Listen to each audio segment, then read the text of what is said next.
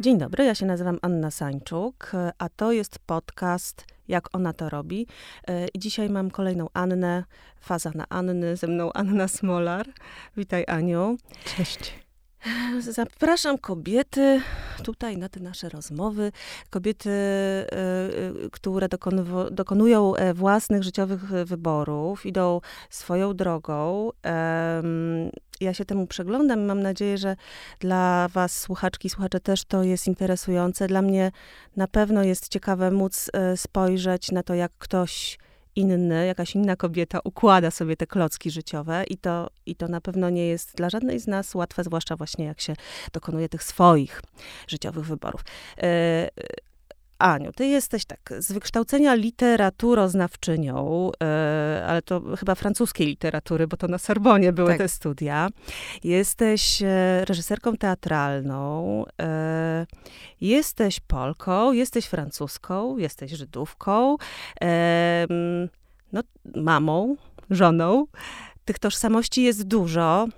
E, jakaś jest dominująca. Ja pamiętam, e, że jak kiedyś rozmawiałyśmy, to mówiłaś, że się bardzo buntujesz przeciwko wkładaniu w jakąś jedną tożsamość i że to jest jakaś dynamiczna struktura. No to teraz e, nie wiem, jak dzisiaj na to spojrzysz.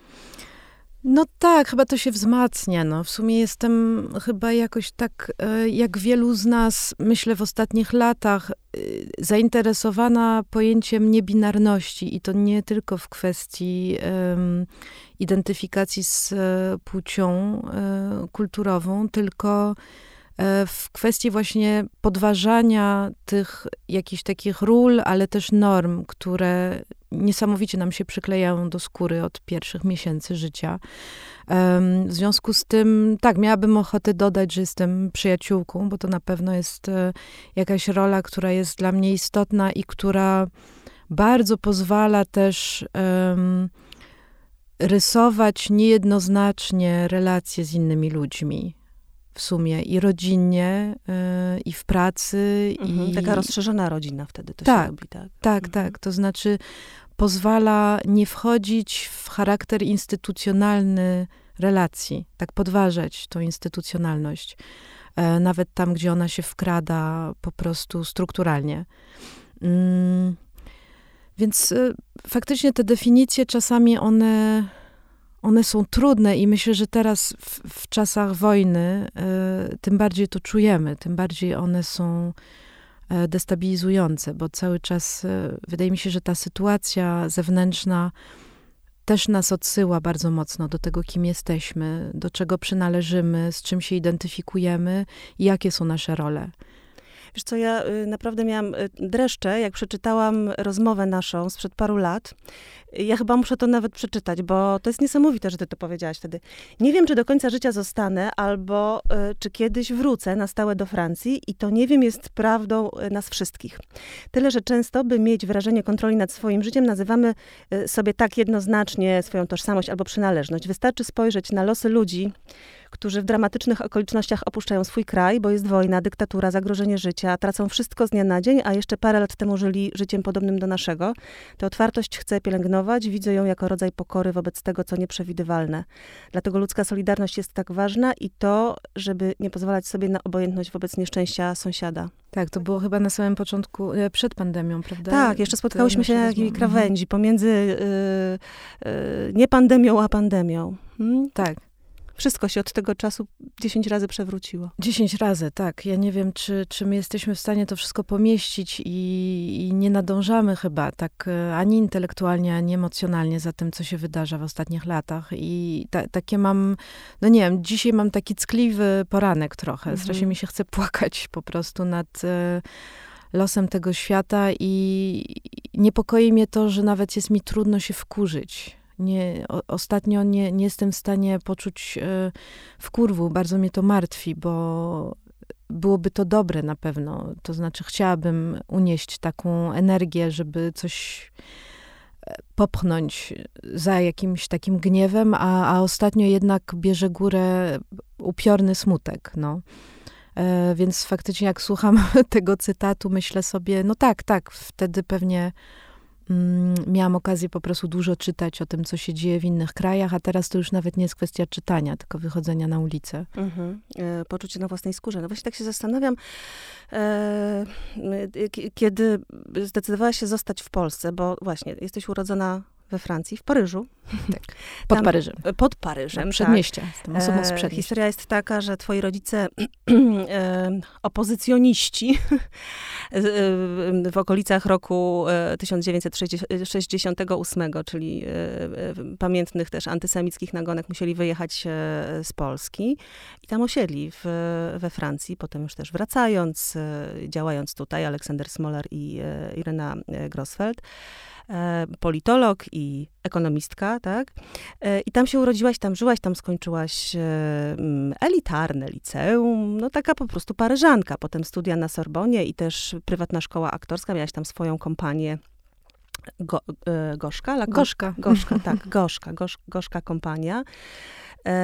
2004, tak, w 2000, 2004 roku zdecydowałaś się przyjechać. No właśnie i e, no nie mogłaś przewidzieć w sumie, jak to tutaj będzie dzisiaj. Jak, jak patrzysz na tą swoją decyzję bycia tutaj już tak długo, pracy w teatrze i życia tutaj, e, kiedy z, właśnie, no z jednej strony to w ogóle teraz mamy tę wojnę za progiem, ale też i władzę żeglującą w stronę autorytaryzmu bardzo silnie, tak? Pęknięte na pół społeczeństwo, e, demolka w wielu e, sferach, od edukacji po, myślę, po kulturę też, czy prawa człowieka chociażby, jakby się obserwuje, no nie tę wspaniałą naszą postawę wobec ukraińskich uchodźców, tylko na przykład drugą granicę polsko-białoruską, to tam jest jednak dramat. E, no to jak patrzysz dzisiaj na te decyzje i na to zostanie tutaj, tak? Na tę decyzję właśnie wyboru jednak jakiejś tożsamości bardziej.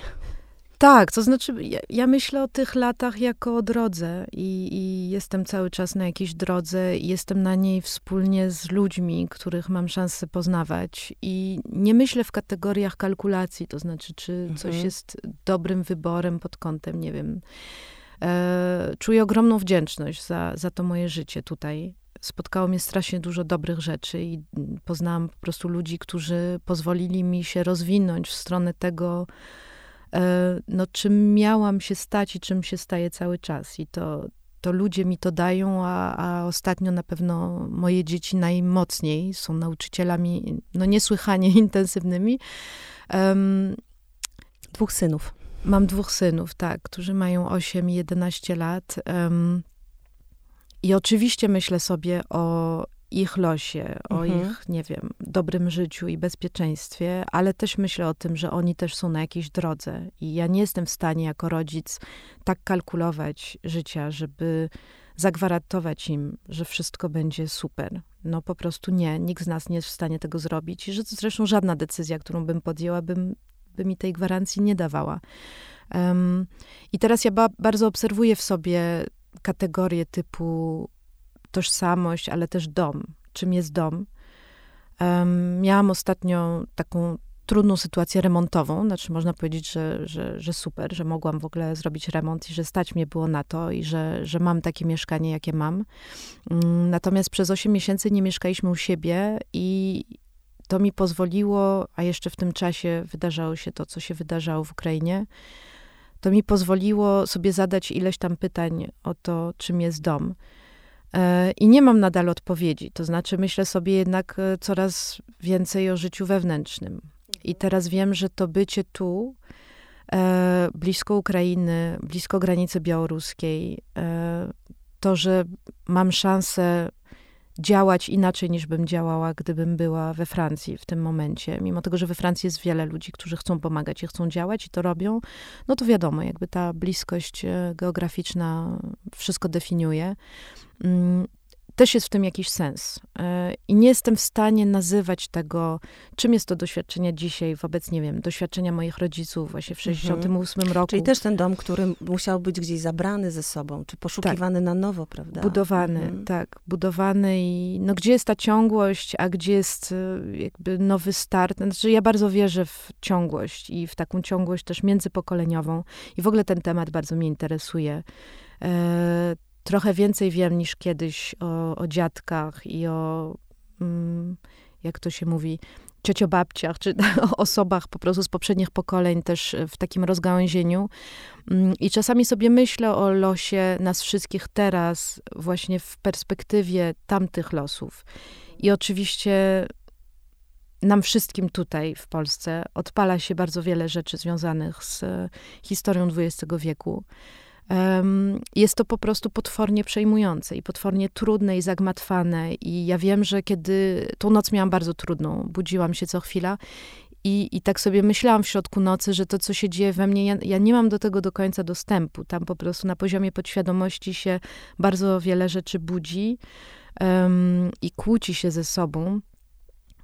E, I no, czuwam takie gigantyczne współczucie po prostu dla, dla ludzi, którzy, no wiadomo, to nawet trudno mówić o, o, o, jakimś współodczuwaniu. Jesteśmy bardziej świadkami upiornego cierpienia narodu ukraińskiego, ale też, też wobec wszystkich, którzy teraz muszą się mierzyć w pewnym sensie e, ze swoją przeszłością, która jest przeszłością strasznie zagmatwaną e, i nieprzepracowaną. I to jest właściwie coś, co jest, myślę, obsesją wielu ludzi, którzy pracują nad traumą. To jest to, jak doprowadzić do tego, żeby społeczeństwo w takim bardzo dużym wymiarze um, dojrzało do tego, że traumę trzeba przepracować i trzeba ją przepracować kolektywnie, niejednostkowo. To, że niektórych stać na terapię wspaniale, świetnie, jakby jest nadzieja w tym, że um, pokolenie obecnych rodziców małych dzieci naprawdę uczy się dealować e, z traumą poprzednich pokoleń i z tym, kim są teraz i jak reagują na mhm. swoje dzieci. W związku z tym, jak pozwalają wyjść z pewnych schematów bardzo niszczących, to jest świetne, ale to jest cały czas za mało. To znaczy, społeczeństwo musi po prostu i właściwie cała Europa i po prostu cały świat, wiadomo, znaczy jak się mierzyć z kwestią zdrowia psychicznego i z przepracowaniem traumy. I teraz to się staje jeszcze pilniejsze e, i nie możemy tego odkładać na bok pod pretekstem tego, że właśnie jest tyle spraw pilniejszych. Oczywiście one są strasznie pilne, znaczy trzeba znajdywać dachy e, nad głowami ludzi, którzy nagle zostali kompletnie oderwani od swojego życia i pozbawieni swojego życia. E, ale jednocześnie trzeba pilnie o to zdrowie psychiczne dbać. Teraz pytanie, jak o tym rozmawiać z tymi, którzy zarządzają pieniędzmi? No właśnie, bo to w ogóle to jest też pytanie, jak wcześniej powiedziałeś, czy jesteśmy w stanie pomieścić w sobie to wszystko, co się wydarza. I ja też myślę sobie, czy na przykład, czy teatr jest w stanie to pomieścić.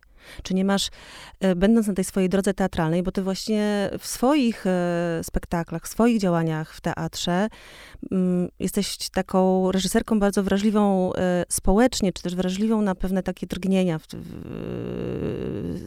w społeczeństwie, właśnie zaniechania, wyciszenia, że chcesz dawać głos tym, którzy tego głosu nie mają, na przykład, nie wiem, matkom małych dzieci, albo na przykład przyduszonym systemem nauczycielom, prawda? Albo, no, no nie wiem, no, yy, ostatnio policjantkom w sztuce oficerki dałaś, yy, wydaje się to taka nieoczywista i może nawet kontrowersyjna po, po demonstracjach decyzja dać głos tym kobietom, które stoją po przeciwnej stronie. Tak, nieznośna w pewnym tak, sensie. Tak, ale to właśnie jest ta możliwość wysłuchania tego innego. No i jak to w, w tym kontekście y, odczuwasz właśnie, tę możliwość pomieszczenia? Czy to ciągle jest to miejsce, w którym ty czujesz, że że da się właśnie jak w takim laboratorium trochę, bo trochę tym jest teatr tak na poważnie traktowany, nie? Przepracować właśnie z takich problemów większych, naszych, społecznych. Tak, no moja wiara w teatr nie maleje, e, a nawet, a nawet odwrotnie. E, bardzo się buntuje przeciwko głosom, które mówią, już nie ma miejsca na teatr teraz po tym wszystkim. Czy na kulturę, prawda? Bo Czy na kulturę, ale... Wszyscy się trochę zmagaliśmy z tym na początku, e, po wybuchu tej wojny, no bo jakbyśmy tak ogłuszeni, że nie wiedzieliśmy, czy mamy dalej kontynuować nasze działania, nagrywać podcasty właśnie, prawda? Pisać, czy, czy właśnie działać chociażby w teatrze. Tak. Ale... Po, teatr, po teatrze y, jedzie się z, z tym bardziej z taką dużą y, y, jakąś taką radością, bo mówi się często nawet wewnątrz teatru po prostu ludzi ze środowiska ja to odbieram jako akt autoagresji. E, mówi się, że to jest zabawa elitarna dla, dla nielicznych, dla bańki. Owszem, wciąż za mało ludzi ma dostęp do teatru i, i może wciąż za mało jest działań czy takiego myślenia, które naprawdę szeroko zaprasza wszystkich, e, a, a nie tylko według jakiejś kategorii klasowej czy, czy, czy według e, wielkości e, danego miasta. Mm, natomiast ja bardzo wierzę w to miejsce jako przestrzeń duchową właściwie, to znaczy taką przestrzeń, która pozwala właśnie rozkopowywać to życie wewnętrzne. Ten świat, który nie tylko jest przestrzenią do jakichś konstruktów intelektualnych, do wymian właśnie na podstawie dyskursu i, i analiz bardzo złożonych, ale też jest przestrzenią, która po prostu mm, pozwala nam docierać do takiego miejsca, który jest miejscem, no nie wiem, powiedziałabym światła, czy takiego łączenia ludzi w, w jakiejś nadziei, czy w jakiejś walce, czy, czy w buncie. I bez tego, szczerze mówiąc, ja bym nie wiedziała, jak budować te więzi. To znaczy, wydaje mi się, że sztuka jest wielką sojuszniczką e, wszelkich nauczycieli na świecie, jest wielką sojuszniczką rewolucjonistów i właściwie te trzy obszary, one są nieustająco ze sobą związane. I Mi się to... wydaje, że też budowania wspólnoty. Absolutnie. W tym sensie, że jest to jakieś spotkanie. Jeżeli masz szansę do kogoś dotrzeć, no to się z nim spotykasz, nie? No to są, wiadomo, nie wiem, czy wiadomo, ja myślę, że może nie da się, zmieni- nie, nie da się zmieniać świata w ten sposób, ale jednostki może tak, nie? Tak, to znaczy myślę, że oczywiście, to znaczy ja nie wchodzę do teatru ani jako reżyserka, ani jako widzka z nadzieją, że ktoś wyjdzie zmieniony. To znaczy widzę te procesy, znaczy właśnie wi widzę te, to spotkanie jako proces, jako coś, co jest jakąś taką narracją podskórną, która tak jakby pulsuje, pulsuje czasami latami. Myślę, że my teraz korzystamy z rzeczy, które powstawały dziesiątki lat temu i że pracujemy na to, co będzie w przyszłości, że budujemy rodzaj takiej łączności znowu międzypokoleniowej. Um, na przykład pracując nad spektaklem opowiadającym o kobietach w policji, ja nie liczę na to, że, nie wiem, zmieni się stosunek danego widza do policji. Właściwie policja jest tutaj pewnym pretekstem do tego, żeby doprowadzać do tego, żeby pękały te nasze takie bardzo ograniczające schematy w głowach i podziały, które są po prostu wrogiem i to każdy myślę, ka każda perspektywa taka mm, nie tylko humanistyczna, ale też filozoficzna i psychologiczna to pokazuje. To jest właściwie cel sam w sobie i teraz jakby policja jest faktycznie takim obszarem, który pozwala zobaczyć, jak bardzo um, taka część społeczeństwa, która jest za tym, żeby e, budować dialog, jest też w stanie w danym obszarze postawić totalną tamę i powiedzieć, no pasaran, to jest wróg, nie wiedząc w ogóle, kim ten wróg jest nie widząc, że w momencie, kiedy walczymy o prawa kobiet, musimy też walczyć o to, żeby wewnątrz takich struktur przemocowych i patriarchalnych, jakim jest na przykład policja, doprowadzać do tego, żeby były osoby, a nawet całe grupy społeczne, które od wewnątrz walczą o przemiany bo przemiany muszą się odbywać od wewnątrz. I dlatego ja na przykład, mimo tego, że bardzo często cierpię na relacje z instytucjami kultury, bo z wieloma instytucjami po mhm. prostu nie da się dyskutować, albo jest, jest naprawdę bardzo trudno. Jest strasznie dużo problemów stru strukturalnych, ale też osobowościowych, to jednak nie odpuszczam. No, póki co nie odpuszczam. Mimo tego, że raz do roku pojawia się pokusa, już nigdy więcej, już mam dosyć tego, no to mam poczucie, że pewne rzeczy i w treściach spektaklu, ale przede wszystkim w praktyce i w tym, jak się wewnątrz danego zespołu i wobec instytucji komunikujemy, czego żądamy, czego się domagamy, a co dajemy też od siebie, przepraszam, to pracuje. To po prostu jest w stanie w jakimś małym stopniu na pewno, takim niezadowalającym, ale jednak, no ta iskra tam, ona po prostu coś tam pcha. Iskra albo, nie wiem, no, słowo skompromitowane w ostatnich latach, ale jednak działa dobrze, wirus, no to jest takie zawirusowanie jakiegoś systemu, tak? Jeżeli, tak. jeżeli powstaje na przykład Instytut, Instytut Sztuk Performatywnych, który założyliście e, z grupką e, ludzi pracujących w teatrze, z Weroniką Szczawińską, e, Michałem Buszewiczem, e, Martą, Martą Kajl, tak. Grzegorzem Grzegorzem Reskę i, i Piotrem Wawrem. Wawe, Wawe, Wawe, Wawerem, Wawrem. to gdzie właściwie jesteście, każdy z was jest twórcą, robi swoje rzeczy, a jednocześnie jesteście w stanie przychodzić na przykład na swoje próby, nie wiem, generalne, czy w trakcie procesu i rozmawiać nie z pozycji właśnie konkurencji, tylko takiego, nie wiem, zewnętrznego oka, towarzysza, kogoś, kto zna się z tą materią, ale potrafi spojrzeć na nią zewnętrznie i, i, że jakby jesteście w stanie razem sobie tutaj pomagać w tej sferze, no to to jest e, pewna nowość w takim e, działaniu e, do tej pory w środowisku nakierowanym na budowanie, prawda, takiego właśnie tutaj reżysera, demiurga i, i mistrza. I wydaje mi się, że takie działania, y, one właśnie mają tak, taki, mogą mieć takie, y, no, taki, dawać taki rezultat, że gdzieś puszczają to dalej. Jeżeli ktoś tak może, no to może i ja mogę, tak? Y, może to ma sens. Może nie zawsze trzeba opierać to na strukturze władzy, takiej feudalnej, do której jakby wszyscy mamy, mam wrażenie, tutaj tendencję, nie tylko w instytucjach kultury i ale też w ogóle na przykład w całym systemie pracy pracownika e, i pracodawcy, prawda? Mamy coś takiego, że zawsze tutaj ktoś musi być na górze, ktoś musi być na dole. Wy w tej grupie podjęliście taką decyzję, żeby pracować inaczej, żeby budować to bardziej równościowo, demokratycznie, aczkolwiek z przewodnictwem reżyserskim. Tak, to znaczy każdy z nas wierzy gdzieś tam e, w, w dobre liderstwo, e, ale, ale myślimy bardzo kolektywnie i faktycznie nasza praktyka ma na celu gdzieś tam zarażać coraz większą liczbę osób i w sumie na przestrzeni lat poprzez te feedbacki różne zespoły mogły obserwować to, jak my się wymieniamy, jak się wspieramy nawzajem, odwiedzamy się po prostu na jakimś tam etapie prób, czytamy swoje scenariusze nawzajem i dajemy sobie wsparcie. Jesteśmy taką, taką siatką solidarnościową, która też um, uwalnia od samotności, bo jednak um, często twórcy żyją w takim poczuciu właśnie rywalizacji, osamotnienia, a co za tym idzie zagrożenia, co też generuje różne napięcia, co czasami no doprowadza do takiego ciśnienia, że niektórzy nie wytrzymują i też sobie pozwalają na przemoc. E, a w gruncie rzeczy sztuka feedbacku jest doskonałym narzędziem antyprzemocowym,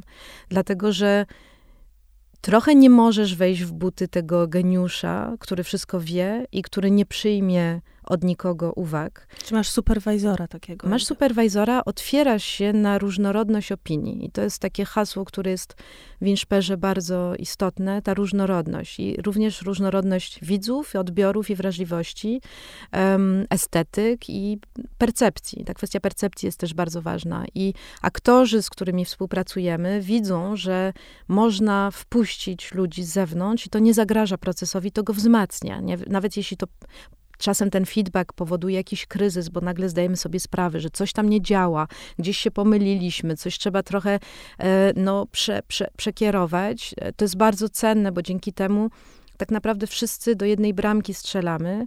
Aktorzy widzą, że też ekipa twórców, czy to reżyserka, scenografka, choreografka i tak dalej, e, muszą razem z aktorami mierzyć się z trudnościami. To jest po prostu trudna praca, tworzenie spektaklu. I myślę sobie, że to nasze działanie trochę nawiązuje w gruncie rzeczy do zespołów filmowych w latach 70. czy 80., kiedy reżyserki i reżyserzy się wspierali nawzajem. Mhm. Prawdopodobnie to, co nas różni, to jest styl komunikacji, czy, czy w ogóle styl, styl feedbacku. Trochę więcej wiemy o, o komunikacji bez przemocy w tej chwili.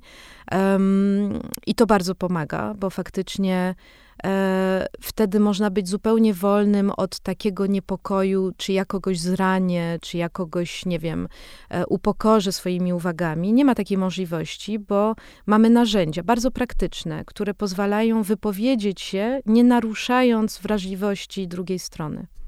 Mm, e, e, te, widzę bardzo dużo w tym działaniu, e, nawet w tym języku, takich właśnie z pola mm, wręcz psychoterapeutycznego kategorii. I nawet takie sformułowanie się znalazło w, w tegorocznym haśle mm, przyświecającym, jakby patronującym, czy matronującym, nie wiem jak to już dzisiaj mówić, temu sezonowi w teatrze y, Komuna Warszawa, gdzie ty jesteś kuratorką i to się nazywa, y, to hasło brzmi y, Twarda miłość. Tak. I jak rozumiem, to też jest takie hasło, które gdzieś z tego pola wzięłaś i ono się nie, nie, nie dotyczy wyłącznie oficerek, czyli sztuki, którą ty z zespołem z Teatru Polskiego w Bydgoszczy stworzyłaś, ale też innych spektakli, które tam mamy, będziemy mieli szansę obejrzeć. E, o co chodzi z tą trudną miłością? Skąd ona się twardą, wzięła? Twardą, twardą. przepraszam, nie właśnie, trudną. Właśnie to jest trudne z tym hasłem, bo... Twarda jest trudna on, Twarda jest trudna. E, bo to hasło widać e, kojarzy się bardzo różnorodnie ludziom, a jest tak naprawdę bardzo precyzyjnym narzędziem wziętym z pola psychologii w kontekście pracy z uzależnieniami i współuzależnieniami. Znaczy, twarda miłość to jest to narzędzie, które jest w rękach osób współuzależnionych, czy otaczających osobę uzależnioną, czy osoby, która przeżywa jakieś ogromne trudności, e, no ale najczęściej właśnie w kontekście uzależnień, która polega na tym, że wsparcie czasami um, musi, wsparcie czy, czy, no tak, czy ratowanie życia drugiego człowieka musi się odbywać przy e, czasami takimi przy niepopularnych narzędziach, czy czymś, co jest um, niekoniecznie miłe czy głaszcz, głas, zagłaskające tą osobę, tylko jest stawianiem takich granic, które mają na celu ochronić tą osobę współzależnioną, czy to środowisko współzależnione, bo bardzo często e, na przykład jak się patrzy na środowiska pracy i my w teatrze to znamy bardzo dobrze, jak jedna osoba e, tonie, to ludzie wokół zaczynają objawiać czy wykazywać e, cechy współzależnienia i takie daleko, których skutki są daleko idące i, i, czasami niepokojące. I brak wiedzy na ten temat jakby jest dramatyczny i e, pomyślałam sobie, że to hasło, które warto właśnie poznać, to znaczy, mm, no na przykład tak mówiąc bardzo konkretnie, twardą miłością jest to, że się stawia drugiej osobie ultimatum. Takie ultimatum, na które cię stać nie jakieś ultimatum wyssane z palca typu jeśli jeszcze raz zapijesz, to cię rzucam, bo bardzo często ta osoba nie rzuci, e, bo jest uwikłana w relacje, jest bardzo zakochana, są bardzo silne więzi, są dzieci i tak dalej, i tak dalej. Tylko jeszcze raz zapijesz i nie wiem, na trzy dni się wyprowadzam stąd. Jeśli na to cię stać, to jest to ultimatum, które postawisz. To jest taki basic przykład twardej miłości. To znaczy, tutaj mówię nie, nie pójdę dalej z tym i chcę ci pokazać, że to, co robisz, jest straszne dla ciebie przede wszystkim, ale też dla nas tutaj wokół. Um, ludzie, którzy są na, na czele, nie wiem, firm, instytucji i tak dalej, mają w swoich rękach niesamowite narzędzia właśnie twardej miłości. Często o tym nie wiedzą. E, strasznie bym chciała, żeby świat się dowiedział o tych narzędziach, więc może trochę dlatego, e, będąc świadkiem różnych strasznych rzeczy wokół e, i tego, jak bardzo ignorancja prowadzi do tego, że latami się nie pomaga człowiekowi, tylko jest się świadkiem autodestrukcji i też szerszej destrukcji. dlatego sobie tak pomyślałam o tym haśle, że warto go wpuścić w przestrzeń, mhm. ale też dlatego, że to hasło wychodząc trochę z tego pola psychologii, może być bardzo ciekawym narzędziem poznawczym, do tego, żeby analizować rzeczywistość wokół. Również tą społeczną, polityczną, um, przestrzenną, dotyczącą też naszych ciał. No bo w gruncie rzeczy twarda miłość to też jest nasz stosunek do samych siebie i do swojego ciała, do swojego rozwoju, do tego, jak chcemy w tym czasie, który został nam dany, funkcjonować i być wśród ludzi. Um, więc jestem strasznie ciekawa tego, właśnie rezydenci, którzy zostali wyłonieni w Open Callu, um, plus dwie ekipy twórcze, które ja zaprosiłam bezpośrednio do pracy, zaczynają właśnie w tej chwili e, próby i, albo research, w każdym razie proces e, pracy nad swoimi spektaklami. Jestem bardzo ciekawa tego, co powstanie i jak te projekty między sobą będą też e, dialogować. E, właśnie rozmawiamy o teatrze, a tu używamy właśnie z bardzo różnych narzędzi, różnego języka, z zupełnie innych e, też e, terenów i to się gdzieś tam wszystko łączy. To a propos tej pojemności jednak sztuki czy teatru, to mm, e, w takim razie ja cię muszę zapytać, właściwie przywołać taki moment, w którym ten teatr się zjawił w twoim życiu, bo on się okazuje rzeczywiście bardzo no, nośną, no właśnie nośnym chyba narzędziem, też miejscem takim dla ciebie dużo szerszym niż tylko jakieś miejsce, do którego przychodzisz, coś oglądasz, jakąś wychodzisz, tylko tam jest dużo, dużo rzeczy. To jest teatr rozumiany znacznie szerzej niż e, po prostu taka, powiedzmy, rozrywka performatywna. E, skąd to się wzięło? Wzięło się jeszcze z, z, tego, co wiem, z Francji i to bardzo wcześnie jakby doszłaś do tego, że to jest twój świat. Tak, no chyba zawdzięczam wszystko mojej mamie, e, bo na jakimś etapie mojego rozwoju byłam dosyć nieśmiałą, skrępowaną sobą i zakompleksioną nastolatką. E, I któregoś dnia moja mama tak rzuciła trochę en passant, a może byś się zapisała na, do kółka teatralnego. I tam w moim gimnazjum, liceum funkcjonowało takie kółko. E, I w wieku 14 lat faktycznie się zapisałam. Mm, I to było bardzo dobre posunięcie, bo po pierwsze miałam to szczęście, że trafiłam na moją nie polonistkę, tylko romanistkę, tak, znaczy nauczycielkę od francuskiego, która wtedy prowadziła to kółko. Um, i mnie jakoś tak bardzo wsparła. Dała mi, pamiętam no, tą relację z nauczycielką, że w jej oczach poczułam, że jestem czegoś warta i coś tam warto podłubać mhm. i ośmielić się. Czasem ta jedna osoba, prawda, jest w tak, stanie wszystko wiadomo, zmienić. Tak. Absolutnie. Mhm. E, Wtedy miałam też do czynienia ze wspaniałymi tekstami, które nam przynosiła i ona też współpracowała z różnymi artystami, aktorami, którzy przychodzili i prowadzili z nami zajęcia e, i przynosili nam wiersze i Brechta i no wspaniałe różne dzieła literatury i francuskiej i światowej. No i miałam to szczęście, że pojechaliśmy z tym pierwszym takim rocznikiem naszym e, i z tym artystą, który z nami pracował, Christian Rist, taki aktor, do Avignonu. E, I słynny festiwal teatralny, być tak. może najsłynniejszy. Tak. E, I do, tak, no to są takie, takie cuda, że mogłam wystąpić e, w takim bardzo skromnym wydaniu. Czytaliśmy takie fragmenty opowieści o Trystanie i Izoldzie w środku nocy, o północy, w dniu moich urodzin, pod pałacem papieskim. No i to był taki chrzest, takie uwięzienie po prostu w e, matrycy. E, poczułam, że, że to po prostu e, bardzo mi odpowiada, że chcę być w takich chwilach, zamieszkać te chwile i wracać do nich. Mm, jeszcze takie drugie doświadczenie, o którym czasem opowiadam, bo faktycznie też było, myślę, bardzo znaczące i znowu się wiązało z niesamowitym szczęściem. Ta nasza e, nauczycielka jakoś była w kontakcie z Peterem Brookiem, który pracował w Paryżu i który przychodził do tej piwnicy, w której mieliśmy próby, czy to kółko po prostu się odbywało e, i zawsze robił taką,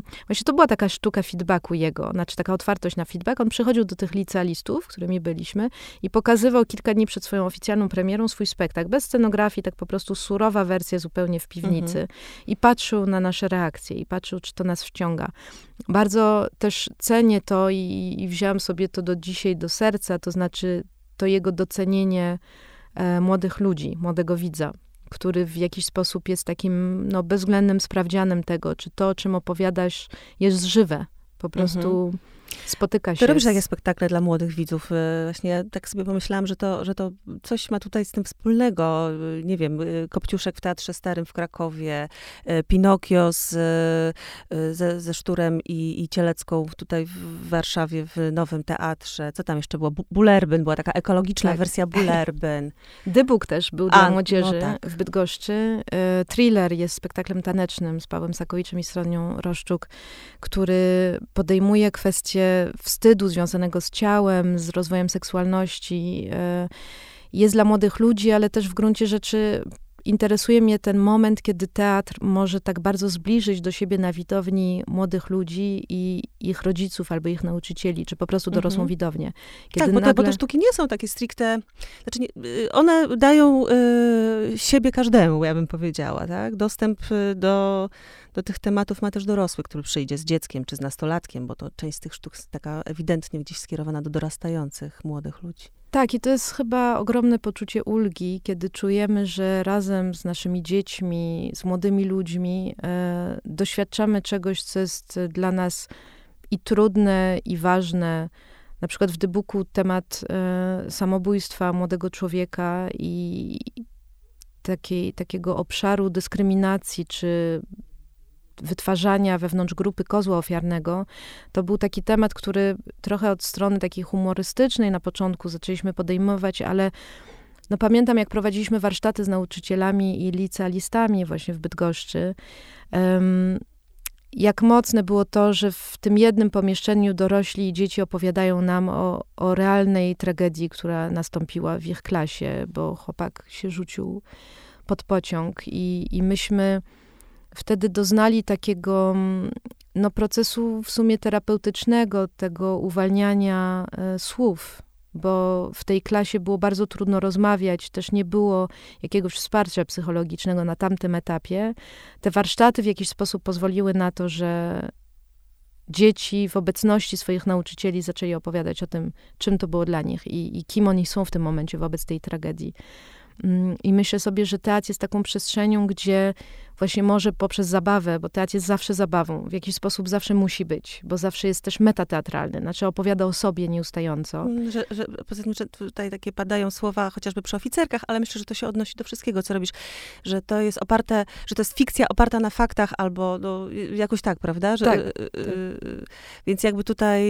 Fantazja oparta. Fantazja tak, oparta na faktach. Tak. tak. tak, bo fantazja nas uwalnia od dosłowności. My nie chcemy nie chcemy rywalizować z reporterami. tak. tak mhm. E, albo z filmami dokumentalnymi, które mają tą porażającą moc ukazywania rzeczywistości tak bardzo blisko.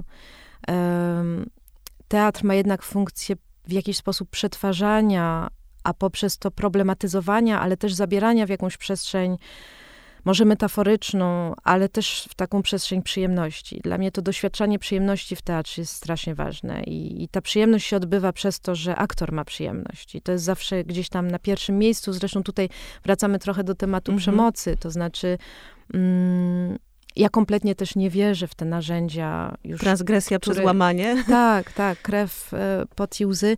To jest, no, Zresztą już nawet trudno o tym mówić. Wydaje mi się, że to jest e, stereotyp, który mm, został tak mocno skompromitowany e, i na który nie ma zgody, i bardzo dobrze, że dzięki tym dyskusjom, które trwają, e, również awanturom i, i, i bardzo trudnym konfrontacjom, które trwają już w sumie, no powiedzmy od, od zimy 19 roku, kiedy afera Teatru Bagatela wybuchła. Myślę, że to był taki mocny start mitu e, w polskim teatrze.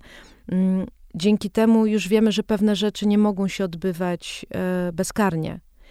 I to jest jakiś bardzo ważny etap i bardzo dobry. Natomiast myślę, że też wielu aktorów wie doskonale, że te momenty, kiedy łączą się z publicznością w jakimś właśnie poczuciu człowieczeństwa i też dotykania sztuki w jakimś takim swoim mięsie po prostu. To nie są momenty mm, cierpienia takiego prywatnego. Jakby możemy dotykać cierpienia tego uniwersalnego, ale paradoksalnie poprzez przyjemność. Ja w to bardzo wierzę. Hmm. To, y, to, co opowiadamy, to dotyczy y, polskiego teatru. Ja, y, rozmawiałyśmy o tych początkach, ale to jest też trochę takie pytanie, dlaczego od teatru francuskiego, od własnego zespołu, który tam, czy własnej grupy, którą tam założyłaś w pewnym momencie, przeskoczyłaś nagle tutaj na ten teren, w którym, jak słyszymy, no, mm, prawda, nie lekko jednak było i na pewno też ty, mm, jako osoba, która tu się pojawiła z zewnątrz, kobieta, też potem e, matka, e, to wszystkie wiemy, jak to może wyglądać e, przy takiej pracy. Musiałaś też na pewno doznać różnych uszczerbków, a się zdecydowałaś właśnie w tym teatrze działać. I tutaj, u nas. Tak, znaczy faktycznie ta wiara w siebie i swoje miejsce w polskim teatrze nie była e, jakoś tak łatwo e, osiągnięta. Znaczy pierwsze lata były trudne i dosyć samotne w gruncie rzeczy, bo faktycznie nie miałam swojego środowiska budowanego w szkole i tak dalej. Natomiast no, to się stało bardzo stopniowo, to znaczy ja tutaj Przyjechałam na początku, bo dostałam taką szansę bycia z jednej strony asystentką Andrzeja Seweryna w Teatrze Narodowym przy pracy nad Ryszardem II i też przy Antygonie, który był teatrem telewizji, przy okazji którego poznałam też swojego przyszłego męża, więc to, to się Operatora wszystko... Rafała tak, Paradowskiego, pozdrawiamy. E, i dostałam też szansę reżyserować w Teatrze Śląskim w Katowicach. E, zaproponowałam tam Henrykowi Baranowskiemu zamianę Pola Klodela nie wiedząc za bardzo jeszcze, czym jest polski teatr i czym, kim może być Paul Claudel e, w polskim teatrze. I to było też do, dosyć takie ciekawe badanie. Dostałam tą szansę, bo Henryk widział wcześniej jeden mój spektakl w Paryżu, który właśnie um, stworzyłam z tym zespołem Gorzka. E, natomiast no ja oczywiście nie zakładałam, że ja tu przyjeżdżam i zostanę i to będzie moje życie i moje miejsce pracy. I, że I moje założę... przedzieranie się przez tutejsze stosunki pracy na przykład. Tak, ale no to gdzieś tam e, jestem wdzięczna sobie za otwartość taką życiową, ale którą chyba zdobyłam e, już w dzieciństwie dzięki rodzicom i różnym przygodom, które były trudne, ale myśmy ja żyłam we Francji, ale przez rok jako siedmiolatka przenieśliśmy się do, do, do Stanów Zjednoczonych, do Waszyngtonu, więc rozstałam już się wtedy z moim takim środowiskiem przyjaciółek i koleżanek. Później przyjechaliśmy tutaj w 89 do Polski na rok. Jako dziesięciolatka um, musiałam znowu zrywać trochę te Aha. więzi. I to było trudne, a z drugiej strony przygotowało mnie na taką elastyczność faktycznie. To znaczy, że nic nie jest tak dane na zawsze, no tak jak rozmawiałyśmy wtedy. Um, I w sumie ta otwartość, ona, tak, ona ma swoją cenę, ale jest, jest też pewnym, pewnym takim darem, to znaczy dzięki temu byłam dosyć chyba czujna wobec tego, co mi się tutaj przytrafia i dosyć szybko poczułam, że mnie to bardzo interesuje, to co tu się dzieje. Znaczy, po pierwsze, relacje, które i w środowisku teatralnym, ale też między różnymi środowiskami, właśnie mm, w kulturze, ale też to, że dosyć łatwo można wchodzić w relacje, bo ludzie tutaj skracają dystans szybciej. Szybciej, niż we Francji. Tak? tak? I między środowiskami to jest bardzo ciekawe, że ludzie są po prostu ciekawi siebie. I tego doświadczam do dzisiaj i to jest pewna wartość, której nie zawsze się ma tutaj świadomość, bo no właśnie ludzie często... Ja nie miałam. No właśnie, bo ludzie oczywiście się spotykają z różnymi trudnościami e, i, i, wiadomo, że też e, każdy naród na siebie narzeka. No, to jest, no i tak, Polacy może szczególnie narzekają, ale też się mówi o Francuzach, że szczególnie narzekają, więc ja już nie wiem. E, natomiast to było dla mnie o tyle cenne, że szybko poznałam ludzi, którzy pozwolili mi się rozwinąć bardzo w moim myśleniu o teatrze, ale i o świecie, i o społeczeństwie. I to często mówię, dla mnie strasznie cenne od początku było to, jaki teatr rozgrywa, jaką teatr rozgrywa rolę w społeczeństwie. To znaczy, jak bardzo może się stać przestrzenią do jakiejś debaty publicznej, ale takiej właśnie pogłębionej i wielowarstwowej, dzięki temu, jaki teatr jest i ile dopuszcza głosów, ale też ile ma narzędzi do rozbrajania rzeczywistości. Mhm. E, no, e, tutaj, jak rozmawiamy o teatrze, to rzeczywiście e, widać jak twoją nieustającą fascynację, taką miłość do tego, do tego świata teatru, do tego, co tam dostajesz, ale ja też sobie myślę, że to nie jest wcale takie proste. Jedną rzeczą jest właśnie wykuwanie sobie tej pozycji e, w patriarchalnym jednak mocno systemie, który się teraz jakoś tam zmienia, to wiemy. I patriarchat y, wierzga przy okazji mocno y, y, jeszcze na tym etapie. Ale drugą rzeczą jest na przykład godzenie ról, bycia matką i bycia twórczynią, co jednak wymaga takiego właśnie ogromnego zaangażowania, bo ty inaczej nie podchodzisz do swojej pracy. I też y, potrafiłaś uczynić z tego temat y, sceniczny, co, co jest bardzo fajne, tak mi się wydaje. Jak to jest? Tutaj się płaci y, według ciebie jakąś cenę, czy, czy ty jesteś raczej wyznawczynią tego, że można mieć wszystko? Nie, nie można mieć wszystkiego. Nie? E, chociaż ja uważam, że mam, mam bardzo dużo, e, mhm. ale... Nie, ja zresztą uczyniłam e, ten, ten obszar tematem spektaklu Hymny oczywiście y, w Akademii Teatralnej, tak, tuż przed Natalią pandemią. Fiedorczuk, żeście to robiły, tak, jest autorką pisałyśmy tekstu. i, i taki wymyślałyśmy świat, żeby nie zwariować, bo obie mamy poczucie od lat, że to godzenie ról jest, jest mrzonką, jest tak naprawdę nieustającą, nieustającym doświadczaniem straty. Z drugiej strony właśnie ostatnio moja terapeutka mi powiedziała coś takiego, że żeby nie zapominać, bo jednak we mnie i to jest kulturowo bardzo dramatyczne i myślę zostało wzmocnione przez to, że stałam się matką w Polsce. E, nieustająco te dwa obszary, to znaczy ta rola matki czy, czy opiekuna, a osoba pracująca, czy też twórczyni, wchodzą w rywalizację na takim poziomie podświadomym, bo na poziomie świadomości ja to wszystko mam uporządkowane i mam te dyskursy gotowe. A na poziomie podświadomości ja często bardzo cierpię i się obwiniam i się boję e, i mam poczucie niedosytu i że wszystkiego za mało i mhm. że źle i krzywo. Mm, jednocześnie, no właśnie, żeby nie zwariować i też nie, nie być ofiarą tego, w jakiej się znalazłam sytuacji, tylko jednak ja wybrałam bardzo dużo z tego, co przeżywam. Naprawdę czuję, że dokonałam różnych wyborów i że były one świadome i że sama tego chciałam. I teraz ja nieustająco w swojej praktyce i jako matka wewnątrz społeczności, w których funkcjonuję, bo jestem bardzo silnie związana ze społecznością szkolną moich dzieci, ze społecznością sąsiedzką też, w której budujemy jakieś relacje, ale też w pracy i przede wszystkim w pracy, praktykuję to takie przesuwanie trochę pojęć, e, rozmiękczanie trochę tych perspektyw. I, mhm. i, i to, to, też jest o tożsamości, myślę, nie?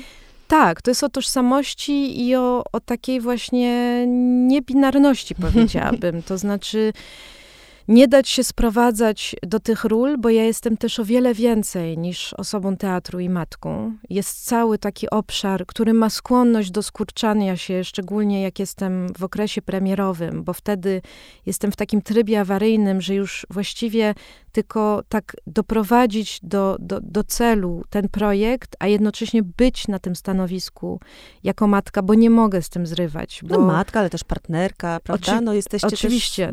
parą z Rafałem, wiesz, to jest też związek, nad, nad którym tak. się pracuje, nie? tak, nad którym się bardzo ciężko pracuje i na szczęście jesteśmy w dużej przyjaźni też. To znaczy, że razem e, obserwujemy te rzeczy, które w nas pracują e, i gdyby nie ta przyjaźń, to myślę, że mm, nie byłabym w stanie ciągnąć tego zawodu. To znaczy, My z Rafałem się wspieramy w taki sposób, że staramy się, i to, to jest jakby to, to szczęście, a jednocześnie to przekleństwo zawodów, zawodów wolnych, wymieniać się w pracy. To znaczy nie mieć takich e, trudnych projektów, które wymagają od nas strasznie dużo w tym samym czasie. Żeby zawsze któryś z nas był tak absolutnie obecny przy dzieciach. Um, Natomiast to, to jest decyzja, która generuje też dużo różnych strat i kompromisów. To mhm.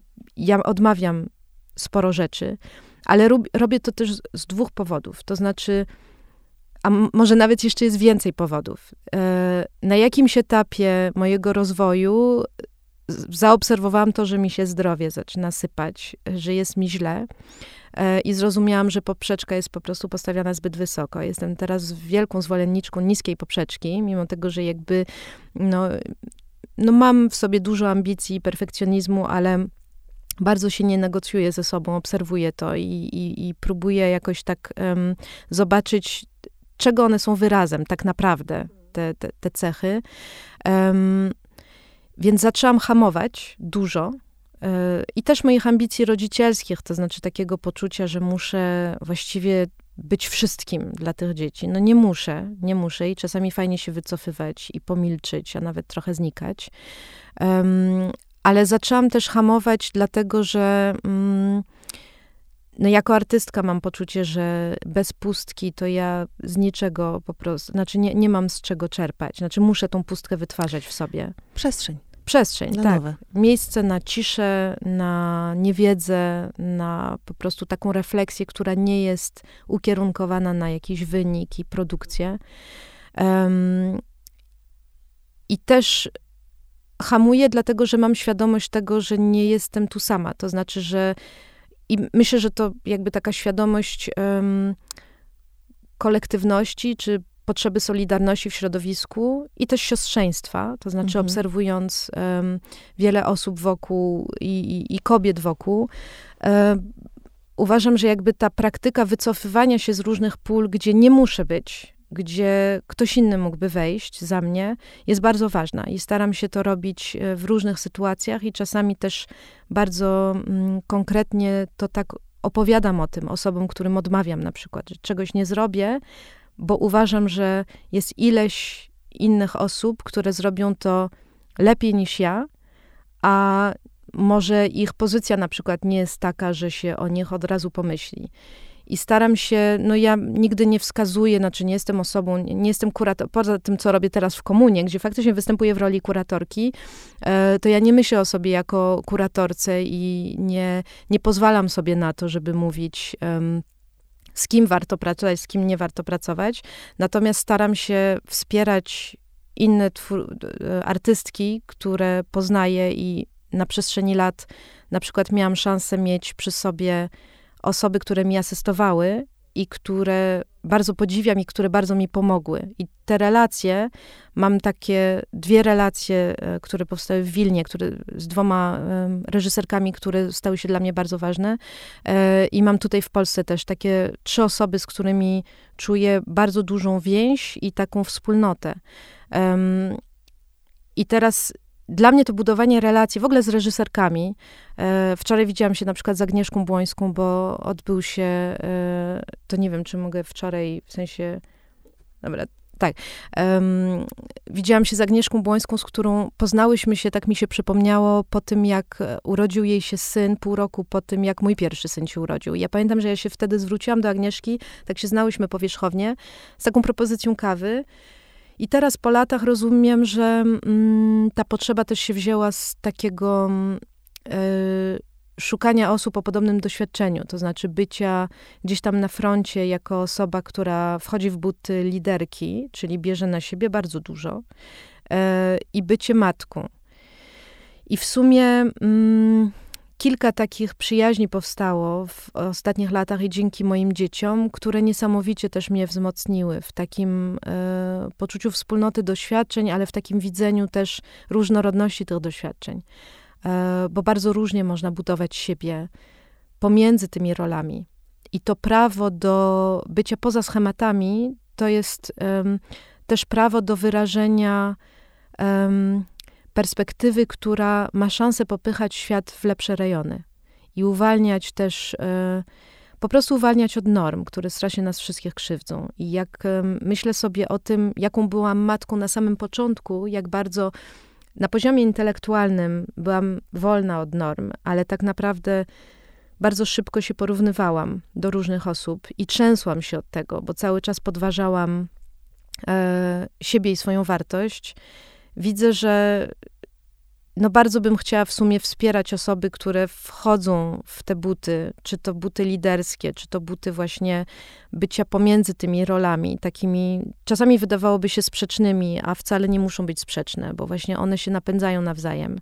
E, I to jest to, co już wracając do tego, o czym mówiłam na początku, co moja terapeutka mi ostatnio mówiła. To znaczy, proszę nie zapominać o tym, e, że to właśnie praca, która jest przestrzenią rozwoju i głębokich, pozytywnych wymian, jeśli praca może być tym, to ona nas napędza do tego, żeby być prawdziwym wsparciem dla naszych dzieci.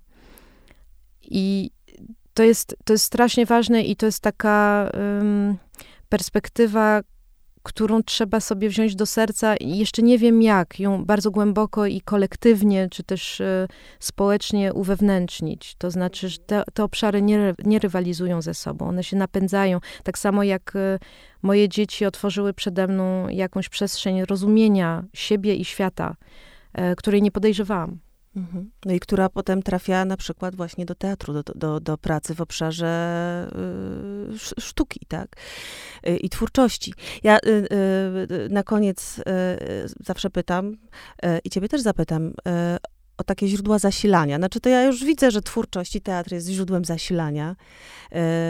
Te, te źródła zasilania są potrzebne osobiście mnie są potrzebne w tym momencie, bo tak właśnie się przyglądam, jak inni to robią, żeby w takim świecie skomplikowanym, trudnym, który czasem nas e, ścina z nóg, tak jak tutaj rozmawiałyśmy na początku, e, jednak, e, żeby wiedzieć, że są takie przestrzenie, w których możemy się czymś nakarmić.